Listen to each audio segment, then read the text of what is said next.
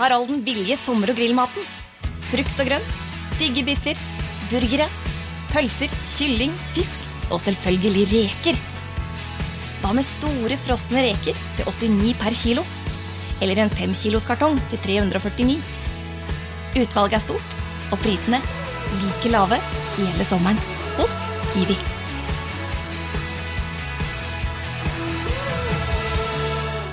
Welcome to Ukraina-podden from Nettavisen. Uh, my name is Tormod Mollensæter. I'm a journalist there, and today I'm uh, co-hosted with Jørgensen Henriksen. I'm a Ukraine columnist at Nettavisen and leader of the Norwegian-Ukrainian Friendship Association. And today we're doing this in English because we're so lucky to have uh, Mr. Ihor Holovchenko uh, chargé d'affaires at the Ukrainian embassy in Oslo. Welcome to us. Good morning, everyone. We're very pleased to have you here. And uh, as usual, we'll start with a brief, brief um, summary of uh, what's happening in the front line the last couple of days. You want to go ahead?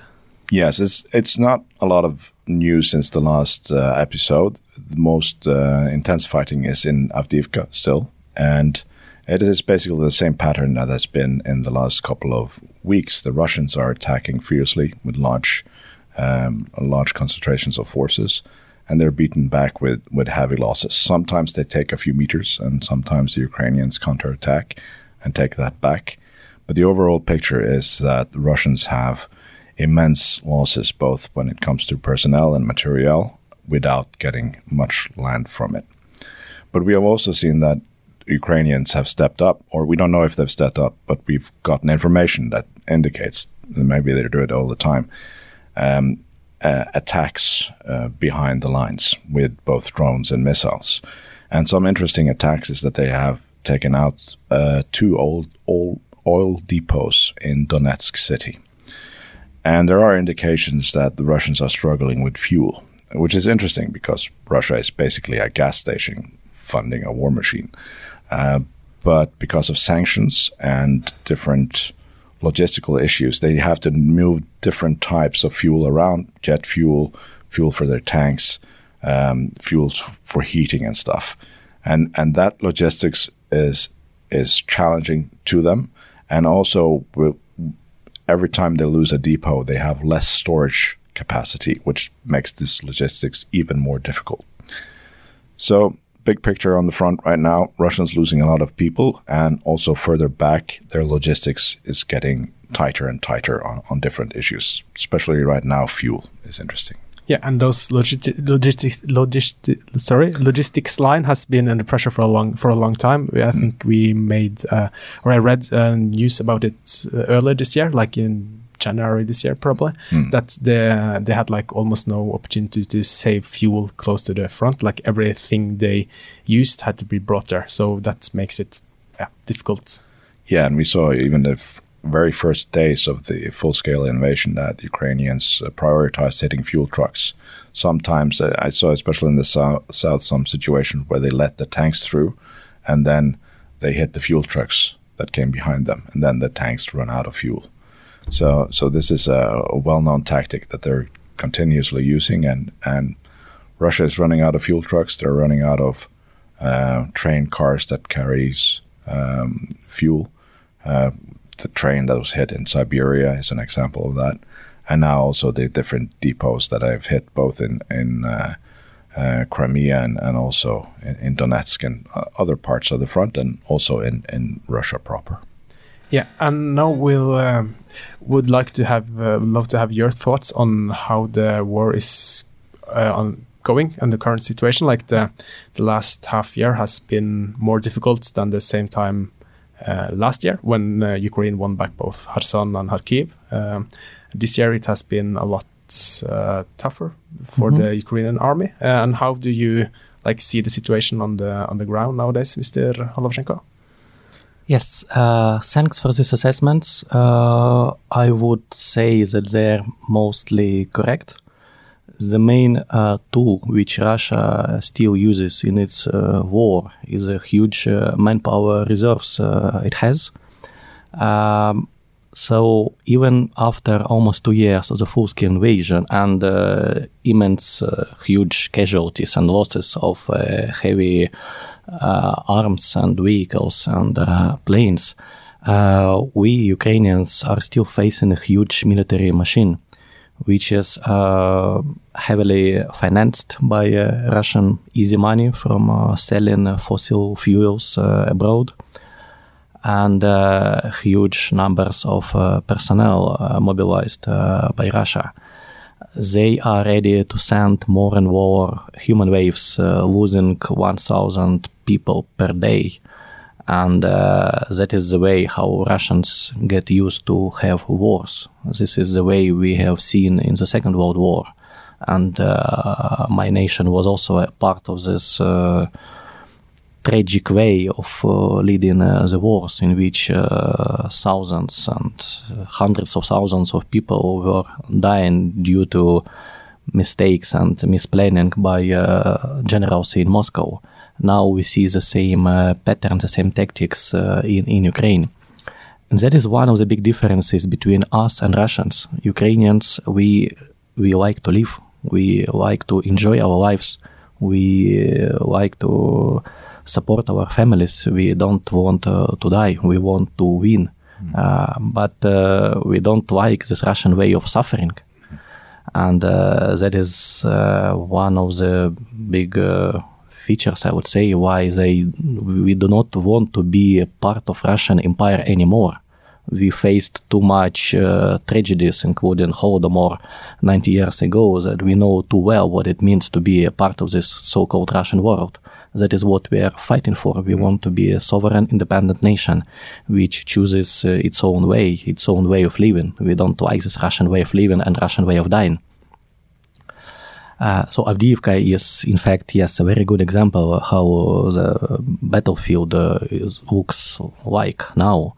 Uh, we try to counterweight uh, Russia's immense manpower reserves by our uh, ability to fight better, to plan better, to use better technologies we have, West provided weapon systems we have, and to try to spare our lives, uh, the lives of Ukrainian uh, soldiers. Uh, so, as you rightly mentioned, there were no major changes in what regards in the map. So the front line has not shifted in the past uh, several months. Uh, that is why, because we have this balance, huge manpower and casualties from one side, and uh, our intention to use scarce resources we have to the best possible extent on the other side. What we need to, to change that balance and to come back to the ability to hold wide scale operations like we had uh, in 2024 in uh, Kharkiv and Kherson region is to ensure two things. First, we need sustainable supply of uh, military uh, most notably sophisticated high-tech military support from our partners. And our second big task is to establish uh, production in Ukraine. Uh, that is what we are now working on, including with Norway, to engage those industrial capacities to be deployed directly in Ukraine because it would greatly enhance our capacity to sustain military operations when we don't need to bring uh, the damaged tanks to, to, to Poland or to other country or to Lithuania to, to have some repairs. When we will be able to do that very close to the battlefield, it will drastically improve the situation. Uh, we need uh, huge amounts uh, of artillery ammunition, and it would also be much easier for us to produce it directly in Ukraine it is possible even now when uh, missiles and drones are uh, in the air. Uh, still, Ukraine is a big country, so we do have those possibilities to to ensure that. Yeah, and it's also very interesting to hear about the the work Ukraine do on the defense um, tech uh, involvement. Like you mentioned that you want to, uh, you you really started to work on making your own defense material, mm -hmm. and it's led by this guy, Mr. Alexander something. I don't. I, uh, he used to be the guy uh, uh, being in charge of the train traffic in uh, Ukraine. I think. I think he's now running the like his Kubrikov? Yeah, yeah. About infrastructure? Yeah. uh, like he he was. Uh, I interviewed him last year, I think. Something he leads is the Minister for Strategic, Strategic, Industry. yes, yes, Yeah, yes, something exactly, like yes. So- that is the ministry which is. Uh, so we have MOD, which performs its classical function, and yes, Ministry of Strategy Industry, uh, which uh, works on that. Of course, in close cooperation with uh, MOD and other stakeholders, including the MFA. because uh, um, um, I think it, it's also important for you to um, start making more of of uh, the stuff, uh, being able to make more of the stuff yourself, because we see kind of the the support for Ukraine is not as strong uh, outside. Uh, as it used to be, like one year ago, like I think the support is still strong, but it's not as strong as it used to be. Is that a correct assessment, or how do you how would you answer to? It depends on a country. So uh, there are elections in different countries. There are new regional crises and conflicts uh, which impact some countries more than others. Uh, for instance, like Middle East uh, definitely influences uh, Mediterranean countries more than it does Norway, for instance. So I wouldn't make it a general picture. So it depends on specific country. Uh, for instance, uh, EU is uh, only strengthening and enhancing its uh, support and long-term capacities. Yes, we are now in the middle of these negotiations on this big package of 50 billion euros for the next uh, several years. Uh, we are quite optimistic that it will uh, take place.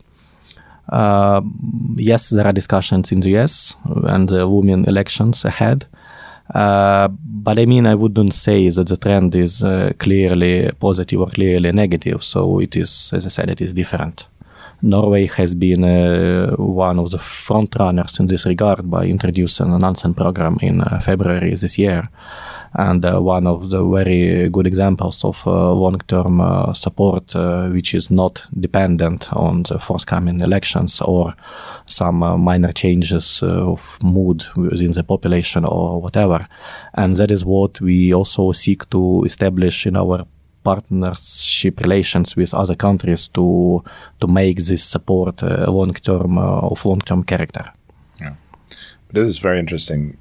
This, the things that you mentioned with other crises around the planet that that takes focus and and not doesn't necessarily mean that the countries don't have the capacity to to also support Ukraine, but it takes a lot of political and and, and strategic focus. And um, the um, the attacks on shipping that goes through the Suez Canal now with with uh, from from Yemen is interesting in the Norwegian case because it looks like we we'd need to send some naval assets, possibly a frigate, down there to the to the new task force and and our support for Ukraine hasn't been mainly on the on the naval front, but it will tie up some some attention in our both uh, military and, and foreign policy sphere. So I'm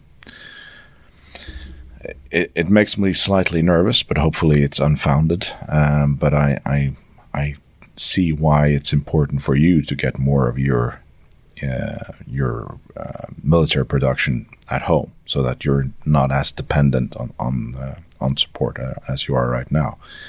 Um, what you mentioned about Russia and and, and their the way they attack and, and their life, how they don't value life much. It's almost like it's almost like they measure military success in how many people they've lost.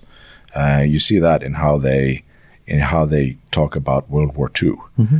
And there was an analyst yesterday I, I listened to who said that Russia is coming close to losing the amount of people in this war as the U.S. did during the whole of World War II, both in Europe and in the Pacific, while Russia brags about how many people the Soviet Union lost, and many of them, as you say, like Ukrainians, were mm-hmm. put to the front first, and when they were shot, then then uh, more prioritized units were, were set in, and it's almost like we see this in this war as well that they they sort of brag about how how uh, intensely they're fighting by the number of people lost. It's it's a sort of logic that doesn't make sense to us in the West at all. Um, how do you how do you fight that? Because in in a, nor- a normal country would have given up by now by losing so many people. It is a big challenge for society. So, of course, families lose uh, their husbands, sons, and fathers. Uh, that's why, as I said, we appreciate life. So we, we value lives and we do our best to protect the lives of soldiers. Uh, this is very different to, to this Russian way of doing of doing things. Uh, so we also need to understand that the economical capacity of Ukraine is uh, much lesser, especially now during the war, to support. So we cannot support, for instance, several million army. Yeah. We simply cannot do that, even with uh, heavy financial external support, which we uh, cannot use for direct financing of the war. So it goes to support our budgetary and social uh, commitments of the government, and then taxes go to support military. So we are neither Russia nor China nor the US. We have very strict uh, financial limits in what we can do. Yeah. And uh, that is why whenever anyone tries to undermine this external support by saying that uh, you should not give uh, money or weapons to Ukraine because it is a corrupt country or whatever, whatever, then the answer is very clear. We cannot allow ourselves to be corrupt because we have scarce resources and we need to use them in the most effective way. If we don't do that, we will simply lose the war. So this is our way of survival. So uh, any uh, military support provided by Ukraine goes very well. It is used in the best way. That is simply uh, our only option. Yeah. And it's also hard to be uh, like be corrupt with a F- F16 or a Leopard uh, Yeah. tank. It's like it's not. You cannot sell it on your market in your home city uh, just to some granny. Yeah, I can't afford it, but I would be interested in buying an F-16 if it was available. But that's a that's a very interesting point. And, and yesterday we had um, I- Ina Eriksen Søreide, the former foreign minister of Norway. She was um, the defense minister uh, when uh, Russia invaded and annexed uh, Crimea in 2014. Uh, that episode airs on Christmas Day. Yeah, probably. Yeah, and she talked about this, so you should listen to that episode when it comes out. But she spoke about this corruption narrative that Russia is pushing, and uh, we see it here in Norwegian uh, discussions, but especially in the U.S.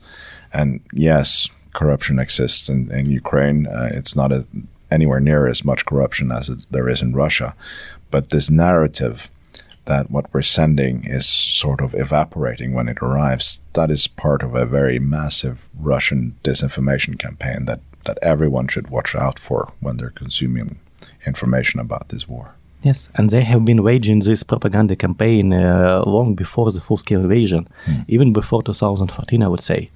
Uh, my last my last posting as diplomat was to Austria, to Vienna, to the OSCE, Organization for Security and Cooperation in Europe, and my primary uh, job was uh, the topic of Russia's aggression against my country. So I dealt a lot with Donbass and Crimea. Uh, we had weekly meetings, which are called permanent council meetings uh, in uh, Vienna every Thursday. So, and uh, within the circle of these 57 nations comprising the OSCE, we had lengthy discussions with Russian delegation. They uh, that that is basically what OSCE does. So that is a platform for exchanging views. This is not to agree upon something or to introduce sanctions or whatever, like the UN Security Council does. This is a place to present your position to, to other countries. And uh, that is a long established narrative for Kremlin to say that Ukraine is a failed state, which does not deserve to exist as a sovereign state, which does not deserve to receive uh, external technical, financial, humanitarian, uh, whatever you might say, economic uh, support, which does not deserve to have its own uh, trade uh, policy. To so this is big element of their campaign to undermine, to erase our uh, identity and sovereignty, and to restore this Russian Empire, which is still in the heads of uh, big bosses in Kremlin. We uh, will soon have, or we already have, uh, the Soviet Union of 1980s, when uh, a group of very old men with very old views on, on, on the way how things should be done uh, take the decisions which influence dozens of millions of, uh, of people. Yeah, and also during while waging this campaign about Ukrainian corruption, Russia at the same time was the cause of much of that corruption and were sort of pushing that corruption themselves. So sort of a self fulfilling prophecy uh, they were they were pushing. So yeah, exactly. Cheap Russian gas was one of the main sources of uh, yeah. corruption in 1990s because there were still strong links between the bureaucrats and the elites and the big uh, private owners in Ukraine and Russia, and uh, cheap gas was a good source of it. Not only for Ukraine, by the way. You I believe you might you have heard of dozens of examples when yeah. European politicians were also made dependent on easy money provided by Russia. Yeah. So as a politician in Europe, it is hard for you to earn huge amounts of money because everything is uh, transparent and you and uh, the law system has been established for decades. So you're always very aware of take making profits on these links between business and government. But then if Russian guy comes to you and uh, offers uh, huge easy money it, in yeah. some cases it was too easy to accept it so this is the way they were doing their business and that is why now decoupling of uh, european energy market from russia mm. is a huge decision which uh, not only decreases the profits earned by Russia and uh, decreases its capacity to sustain uh, military machine, mm. but also has a huge impact on future uh, generations because the next generation of European politicians uh, has lost its potential corrupted links with uh, with Kremlin. Mm. Now the Kremlin's possibilities to influence decision making in European capitals has been severely undermined. Yeah you're kind of cutting it with along with the gas gas pipes. So like when the gas pipe is closed, it also closes uh, Russia's influence on on Europe. I yes, that is a very direct link. Yeah. Uh, but something we kind of uh, we we have not mentioned it directly, but. Um, uh, is the um, Black Sea, and you you talked about uh, Ukraine's need uh, to like the war makes you struggle with the economy as well, mm -hmm. and uh, the export of grain and other mm-hmm. products out of the Black Sea is extremely important for your economy. And I think uh, maybe it's undercommunicated how important uh, the the Battle of the Black Sea is and uh, how successful it has been for Ukraine as well. Like considering uh, Ukraine is a country without a navy, you still managed to uh, um, push away the Russian navy, which is was considered to be one of the greatest navy in the world. Yes, that is maybe the major breakthrough for us in the past uh, half a year. Mm. That we managed to establish a pretty safe uh, sea trade route from the Black Sea ports, uh, uh which are not uh, temporarily occupied uh, by Russia. the last numbers I have seen were quite impressive. So it's been four months since this uh, trade route has been established, and now it's uh, nearly 10 million tons exported by it. Uh, it started almost from zero. Now, uh, during the past months, it was almost 5 million tons exported by sea. Uh, for your better understanding, before the full scale invasion, this number was 6 million. So now we have almost reached pre war level of export. So you're at 5 of 6? Yes, That's... 5 of 6 when the Black Sea Grain Initiative uh, was in force from summer 2022 2023 until Russia left it, uh, the middle number was 2.53 million tons. So now we are able to export almost twice more than we were able to do through this uh, UN and Turkey mediated agreement. And uh, that is a huge breakthrough, which really demonstrates that by technology and uh, good use of them, you can reach much better results than by simply having huge numbers of uh, weapons and uh, people.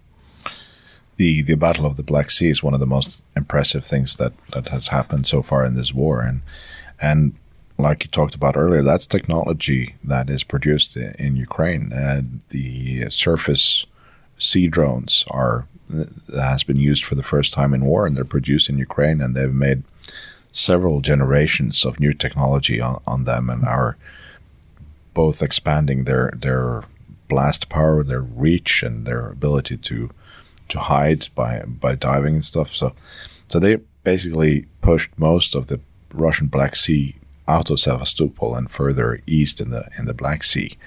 Um, and that's before they've gotten F-16s. So when they now get F-16s as well, they will have aircraft that are able to defend themselves, but also carry anti-ship missiles like Harpoon or maybe even the the Norwegian-produced Penguin missile. Uh, and then it's going to be even more difficult to be the Russian Navy in, in the Black Sea. So, so that that is a success we need to remember and and it will also make it easier for those small maritime forces that Norway has helped train uh, that are now uh, fighting in Kherson, crossing the Dnieper River, and have also conducted raids in, on the uh, Krim Peninsula, and hopefully will do that even more next year.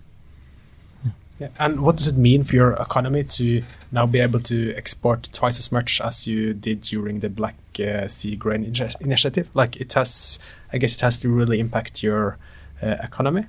Yes, definitely supports our export capacity, so we can earn more money by our own and to be less dependent on external financing. And we are still a big uh, agricultural uh, leader. Uh, for just for your comparison, so when I was a kid, my father was proud that with uh, 50 million of population, Ukraine was able to harvest 50 million tons of grain. Now, in 2023, during the full-scale invasion war, and with population of nearly 40 million, maybe less, having in mind that several millions left as refugees, uh, we have harvested uh, 80 million tons. Yeah.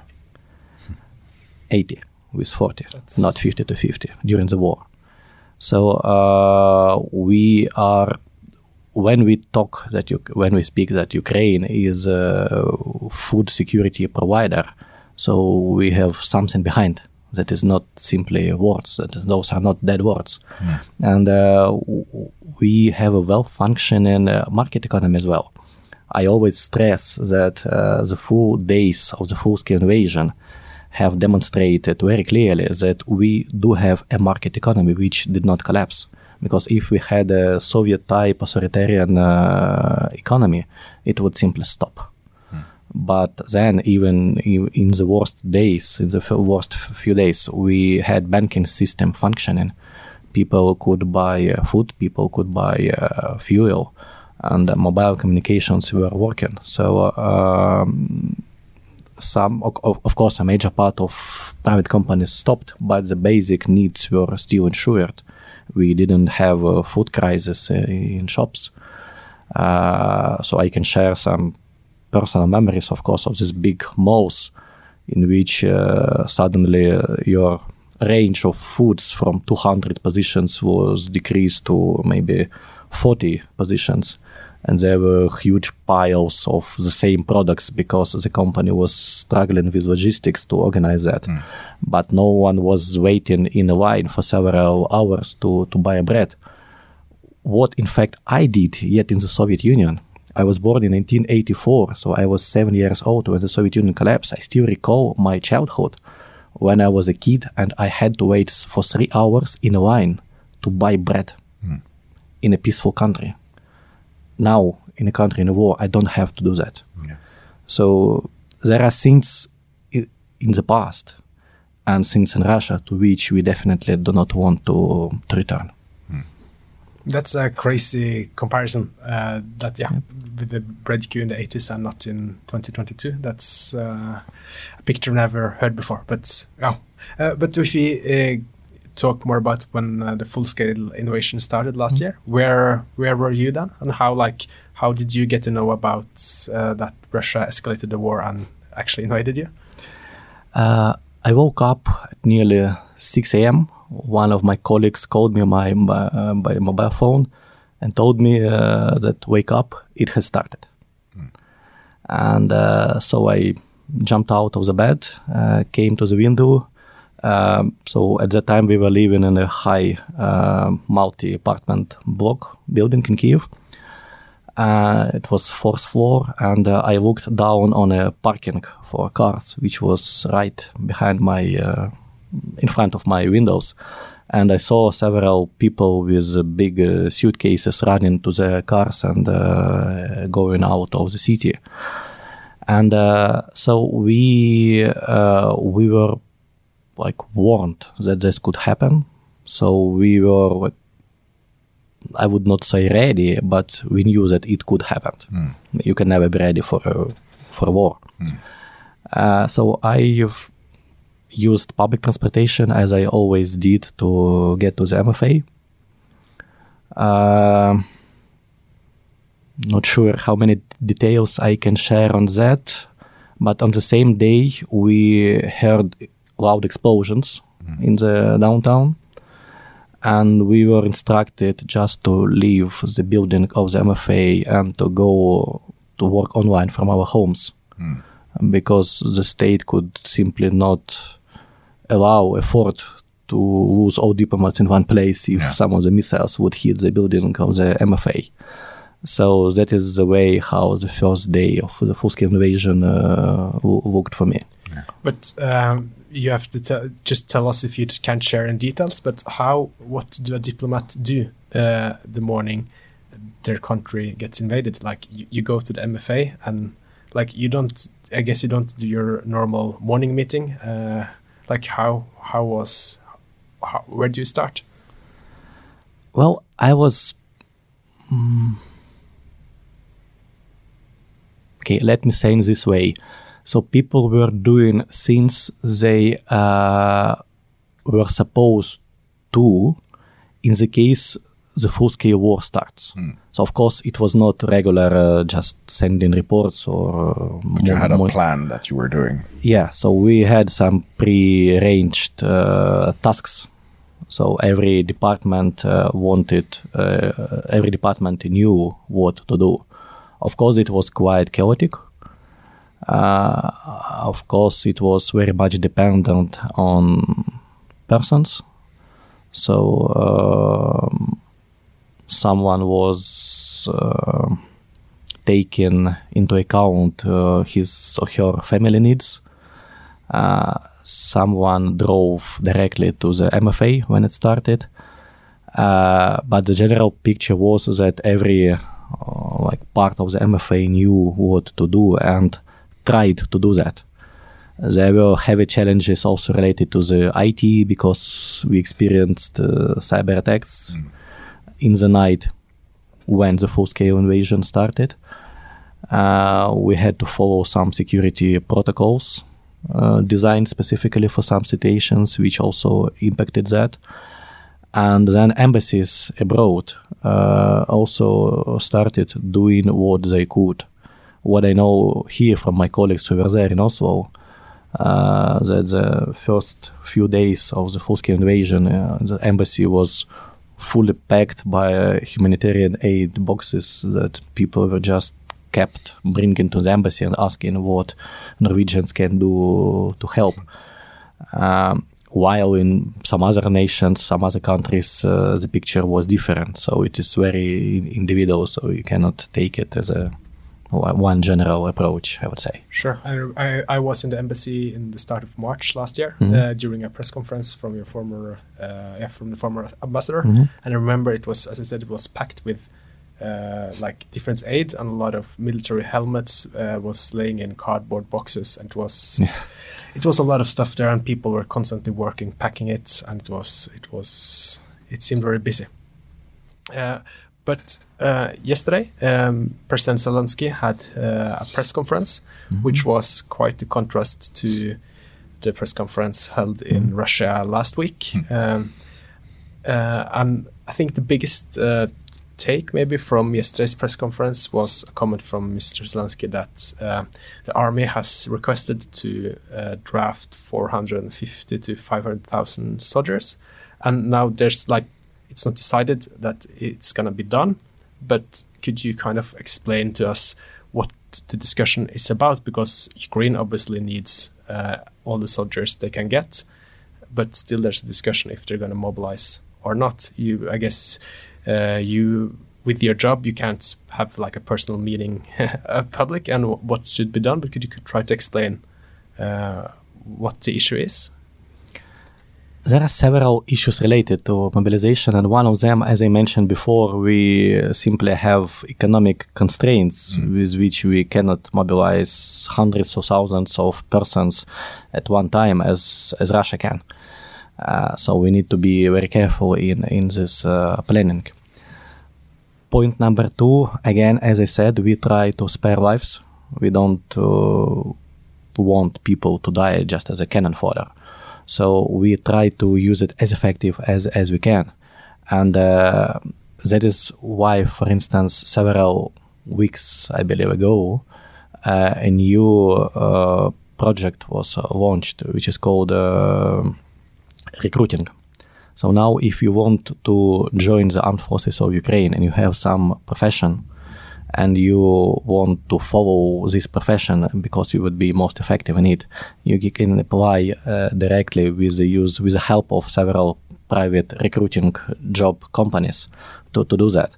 So the idea is uh, that we need to engage those people who are very good in something to do to keep doing their civilian job as a military.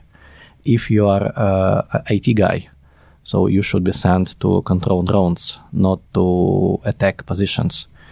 Uh, if uh, let me okay okay give me a personal example. So I visited a conscription uh, center to for them to verify my data as a potential military conscript uh, in the beginning of this year. I saw one of my uh, neighbors. Uh, he was a 50 plus years guy who served in the Soviet uh, anti-air uh, defense, uh, how called troops Forces, or whatever yeah. forces.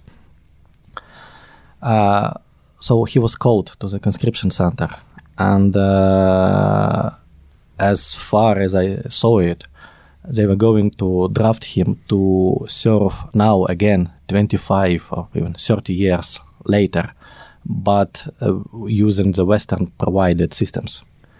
Uh, so, of course, this is a different technology. 30 years have passed, but still he had much better understanding of how it works than anyone else, like me or, or you or, or anyone else.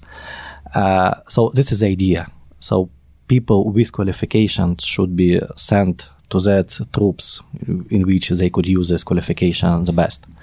And uh, that is also the idea that we do not need to do massive one-time mobilization. We need to do it smart.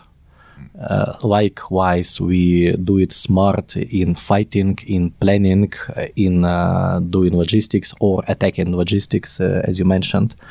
Uh, so we need to be smart.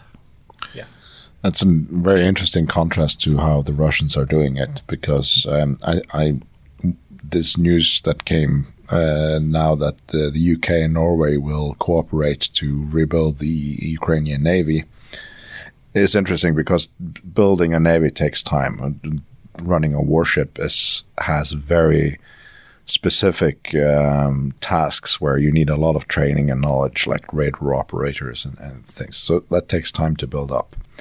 And we've seen reports that the Russians have pulled sailors from their Pacific Navy to Ukraine and used them as infantry.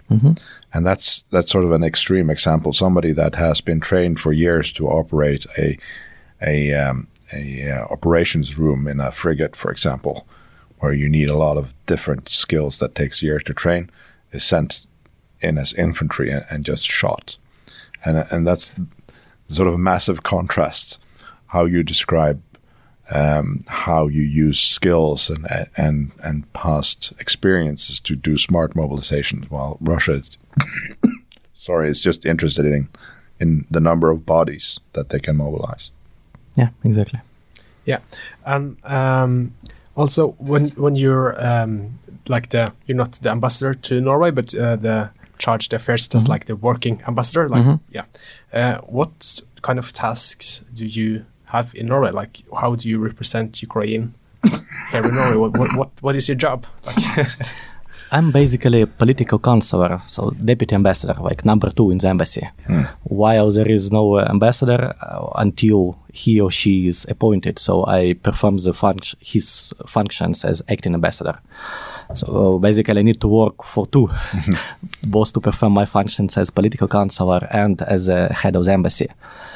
Uh, so it is. We are very small embassy here in Oslo uh, in my view, too small compared to the level of support we receive from, from Norway.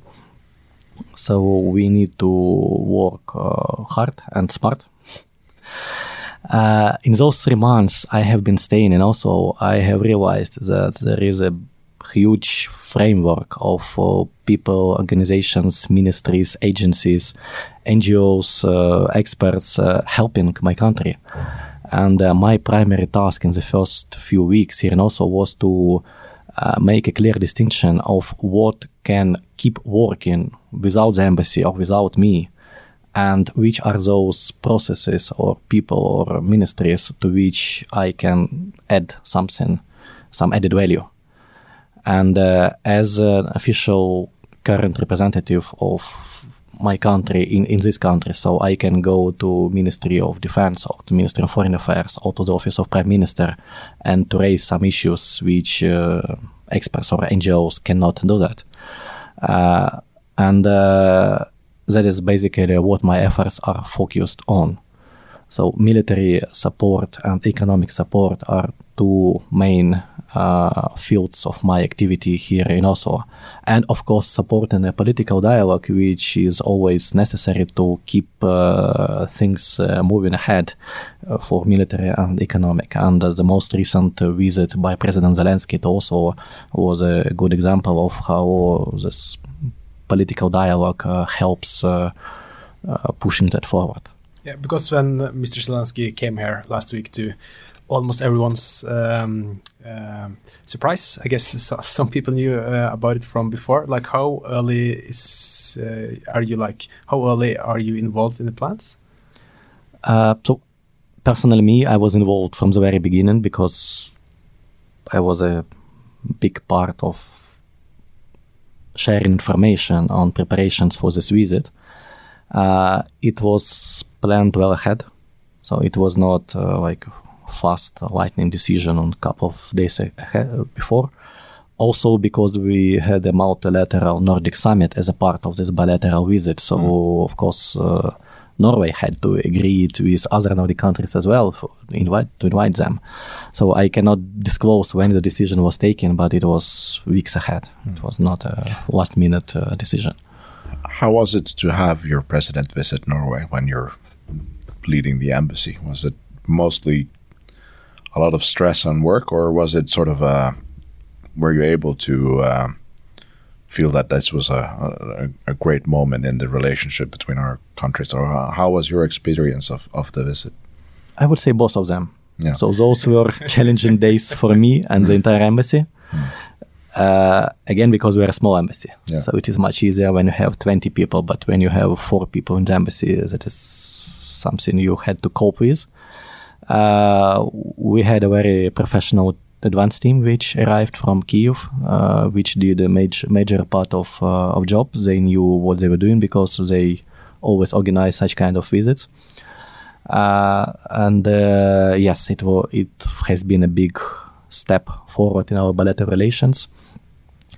Uh, if I'm correct, that is only the second visit of President of Ukraine to Norway in the 30 years.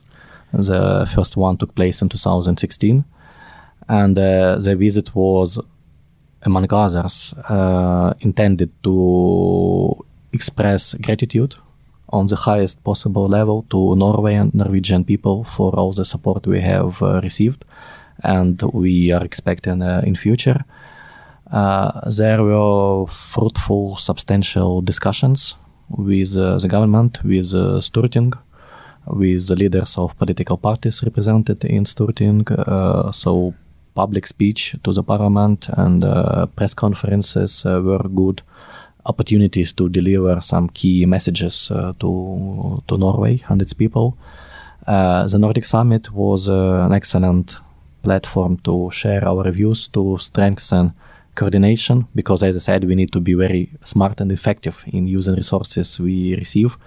So we always need to talk a lot how to make better use of what we what we have at our disposal. And uh, now, following the visit, uh, I have a number of tasks to to implement. That is a good contribution to my uh, activity here. Uh, we have launched, I would say, several new projects in our bilateral relations. So yeah, it was a big step uh, for us as an embassy and for our countries in general.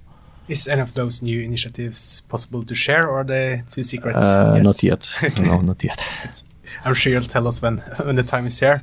Uh, but I guess also the contrast from coming from uh, the US, where uh, they can't kind of agree with themselves on the sup- support for Ukraine, and then coming to Norway and meeting all the Nordic countries, it has to be it has to be quite a big contrast. Like the Denmark uh, announced one of its, if not the biggest military aid assistance to, to Ukraine during those visits. So it has to be like night and not night and day, but it has to be like a um, much uh, nicer for the Ukrainian delegation to to work with people like that, like receive those news.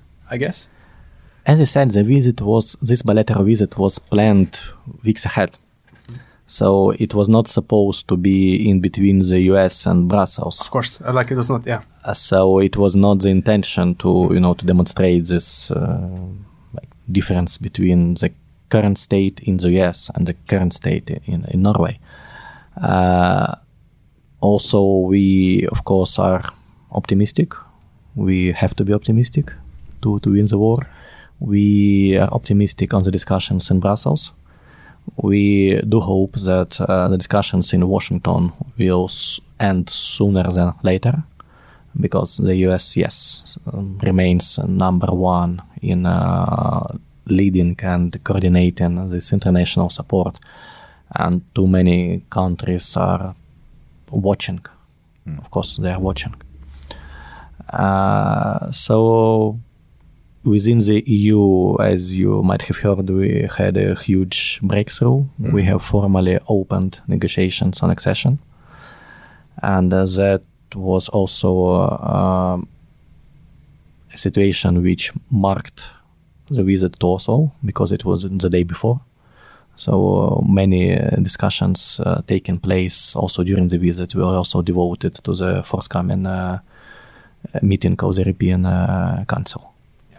and also uh, expression uh, in Norway, and I guess also in the uh, international press, is that a lot of people call this Putin's war. Like it's called Putin's war in Ukraine, and they put kind of his face on the war that without Putin, this war would never happen and it would not go on. Like they don't say Russia's war on Ukraine. Do you have any thoughts on the difference between those two uh, ways to describe uh, what's happening? The problem is that when we talk about the decision to start a full scale invasion and even the decision of 2014, uh, yes, it is mostly Putin's decision. But then, when it has already started, now, if for instance Putin dies tomorrow, um the war will most probably not be ended the same day. Because for 20 almost for 24 years of his uh, reign of his rule putin has built a huge totalitarian regime uh, in which it is much easier to replace one guy on the top than to change the system itself. And so in this case uh, in fact no one knows what would happen if putin dies tomorrow. Whether the war will end immediately or sooner than with putin or even later than with putin because no one knows who will replace them we understand more or less that most probably the system will remain it could be somehow changed, but no one should expect a democratic Russia. I would say this is simply they tried to do it in 1990s, and um, the Russian nation is simply not okay with democracy. They simply got used to have one leader which takes the decision for them. Mm, that is not the way in which they would see their own country. Uh, so that is a complex question. Uh, we also need to be aware of of making a big difference between Putin's war and Russia's war, because uh, those are Russian soldiers implementing, fulfilling the orders. Those are Russian uh, pilots uh, dropping air bombs on uh, kindergartens, hospitals, and schools and uh, peaceful cities. Uh, those are Russian companies and also foreign companies working in Russia, fulfilling the orders of the Russian government, financing the war. Uh, those are countries across the globe which keep buying uh, Russian uh, fossil fuels, financing the, the war. Uh, so there are many stakeholders which uh, allow this war to continue. Yeah, and if you look at the history of Russia, yeah, Putin has has to have the heaviest responsibility for this war, but um, Russian uh, imperialism has been a problem for several hundred years. It's not a it's Yeah. not a new phenomenon, Exactly. and you see here the the biggest opposition leader uh, of of Putin, uh, Navalny, if he's still alive, we don't know. Uh, he is is for democratic reform, but he's also supporting Russian imperialism. He Mm-hmm. claims that uh, the Crimea is Russian. He said that you can't split it up like a sandwich. I guess Yes. Uh, I think that was the quote. But also uh, afterwards, he has gone back on that and said that he wants to transfer Crimea back to Ukraine, but just to kind of balance it a little Yeah. bit. But that's that's correct He what you're saying. has- He has also some statements about Georgia that isn't that isn't very nice. So uh, I agree, and and it's important to to put the, the responsibility on Putin, but we shouldn't let the rest of the Russian elite or or society get off for free because this is a massive war, and and everyone that has a chance to stop it bears the responsibility. Um, so, uh, but but there are some brave souls in, in Russia that are setting alight factories and stuff. Some of them are maybe Ukrainian special forces. We don't know, but there's a lot of stuff happening in Russia that could be Russian opposition as well. So I'm not sure if you can share some secrets about the No, I cannot. worth a try. yeah, Uh, but also, I think we have to. Um, we- we're coming close to to the end uh, for our talk. But uh, for the people listening to this podcast and other Norwegians, what can they do to support your country? Do you have any thoughts on that? As I said, I see huge numbers of people and organizations uh, doing that already. So, uh, yes, the first days of the full-scale invasion, the embassy was full with box, but now there is a separate big warehouse full of boxes. I mean, the humanitarian assistance keeps going. Trucks are keep trucks keep going to Ukraine with humanitarian assistance from different organizations, from medics, from firemen, from regular Norwegians uh, supporting that. Uh, so my big message to everyone listening to, to to me as is to thank you for all everything you have done. Please keep doing that because we really need that. We uh, are still in the biggest land and also in sea and air warfare since the Second World War in Europe. And uh, the destruction is uh, that big that we will need many years to, to recover it. We do our best inside Ukraine, uh, but uh, any external assistance is, uh, of course, also much appreciated. So I, I, want to end sort of on a high note. Uh, so this question is uh, some recommendations for for the future because I believe that Ukraine will liberate all their territories, and when that happens, uh, as you mentioned, there's a lot of people all around the world that now thinks a lot about Ukraine, wants to support you, and, and knows about Ukraine that probably hadn't heard about the country before this full scale invasion. So when when Ukraine in the not too distant future has liberated all its territory and is completely free, there will be a lot of people that would want to come visit Ukraine. What are your sort of recommendations? Where should what places should they visit and what should they see when they, they visit Ukraine? Sure. If you go from Norway, I would uh, suggest using planes. Uh, because, like Norway, Ukraine has uh, huge distances Yeah. between uh, cities, uh, which are not that easy to cover by car. If, if of course, you are not going to spend several weeks uh, in Ukraine. So, if you have only several days, I would insist on using planes to, to do big trips. Uh, you would be really delighted to see uh, Kiev. Um, my wife says that if I were not a diplomat, she would never leave, leave Kiev. uh, so, uh, of course, uh, Lviv, the biggest city in uh, western Ukraine, as a part of this European Austro Austrian, uh, her- I mean Austrian architecture heritage, uh, close to Poland, to Hungary, to Slovakia. Uh, so western part of the country is interesting because it has this combination of uh, different uh, cultures and different ethnic uh, communities uh, living there, and uh, so mountains, Carpathian mountains. Uh, Kiev is interesting, as I said, as itself, as a big European capital with a very uh, um, interesting landscape with a big river. So you can take river cruises uh, across the Dnieper River down uh, by flow to, to the Black Sea. And uh, of course, the southern part of Ukraine is very uh, picturesque. Uh, Odessa as the biggest uh, port. Uh, southern part of Odessa region uh, is a historic uh, place of Bessarabia, which has also a unique combination of uh, Romanian, Moldovan uh, identities uh, mixed. Uh, uh, what else? There are historical places across Ukraine uh, in which you would see Ukraine belonging to this European cradle and also to European medieval uh, ages uh, civilization. But as I said, you would need more time to reach those uh, places. So uh, try to start from big cities. You would see that infrastructure is really uh, good. I mean, in uh, the terms of uh, hotels, taxis, uh, restaurants.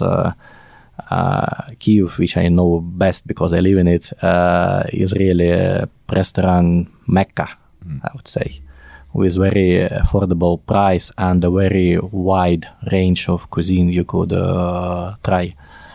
Uh, so just go ahead. Yeah.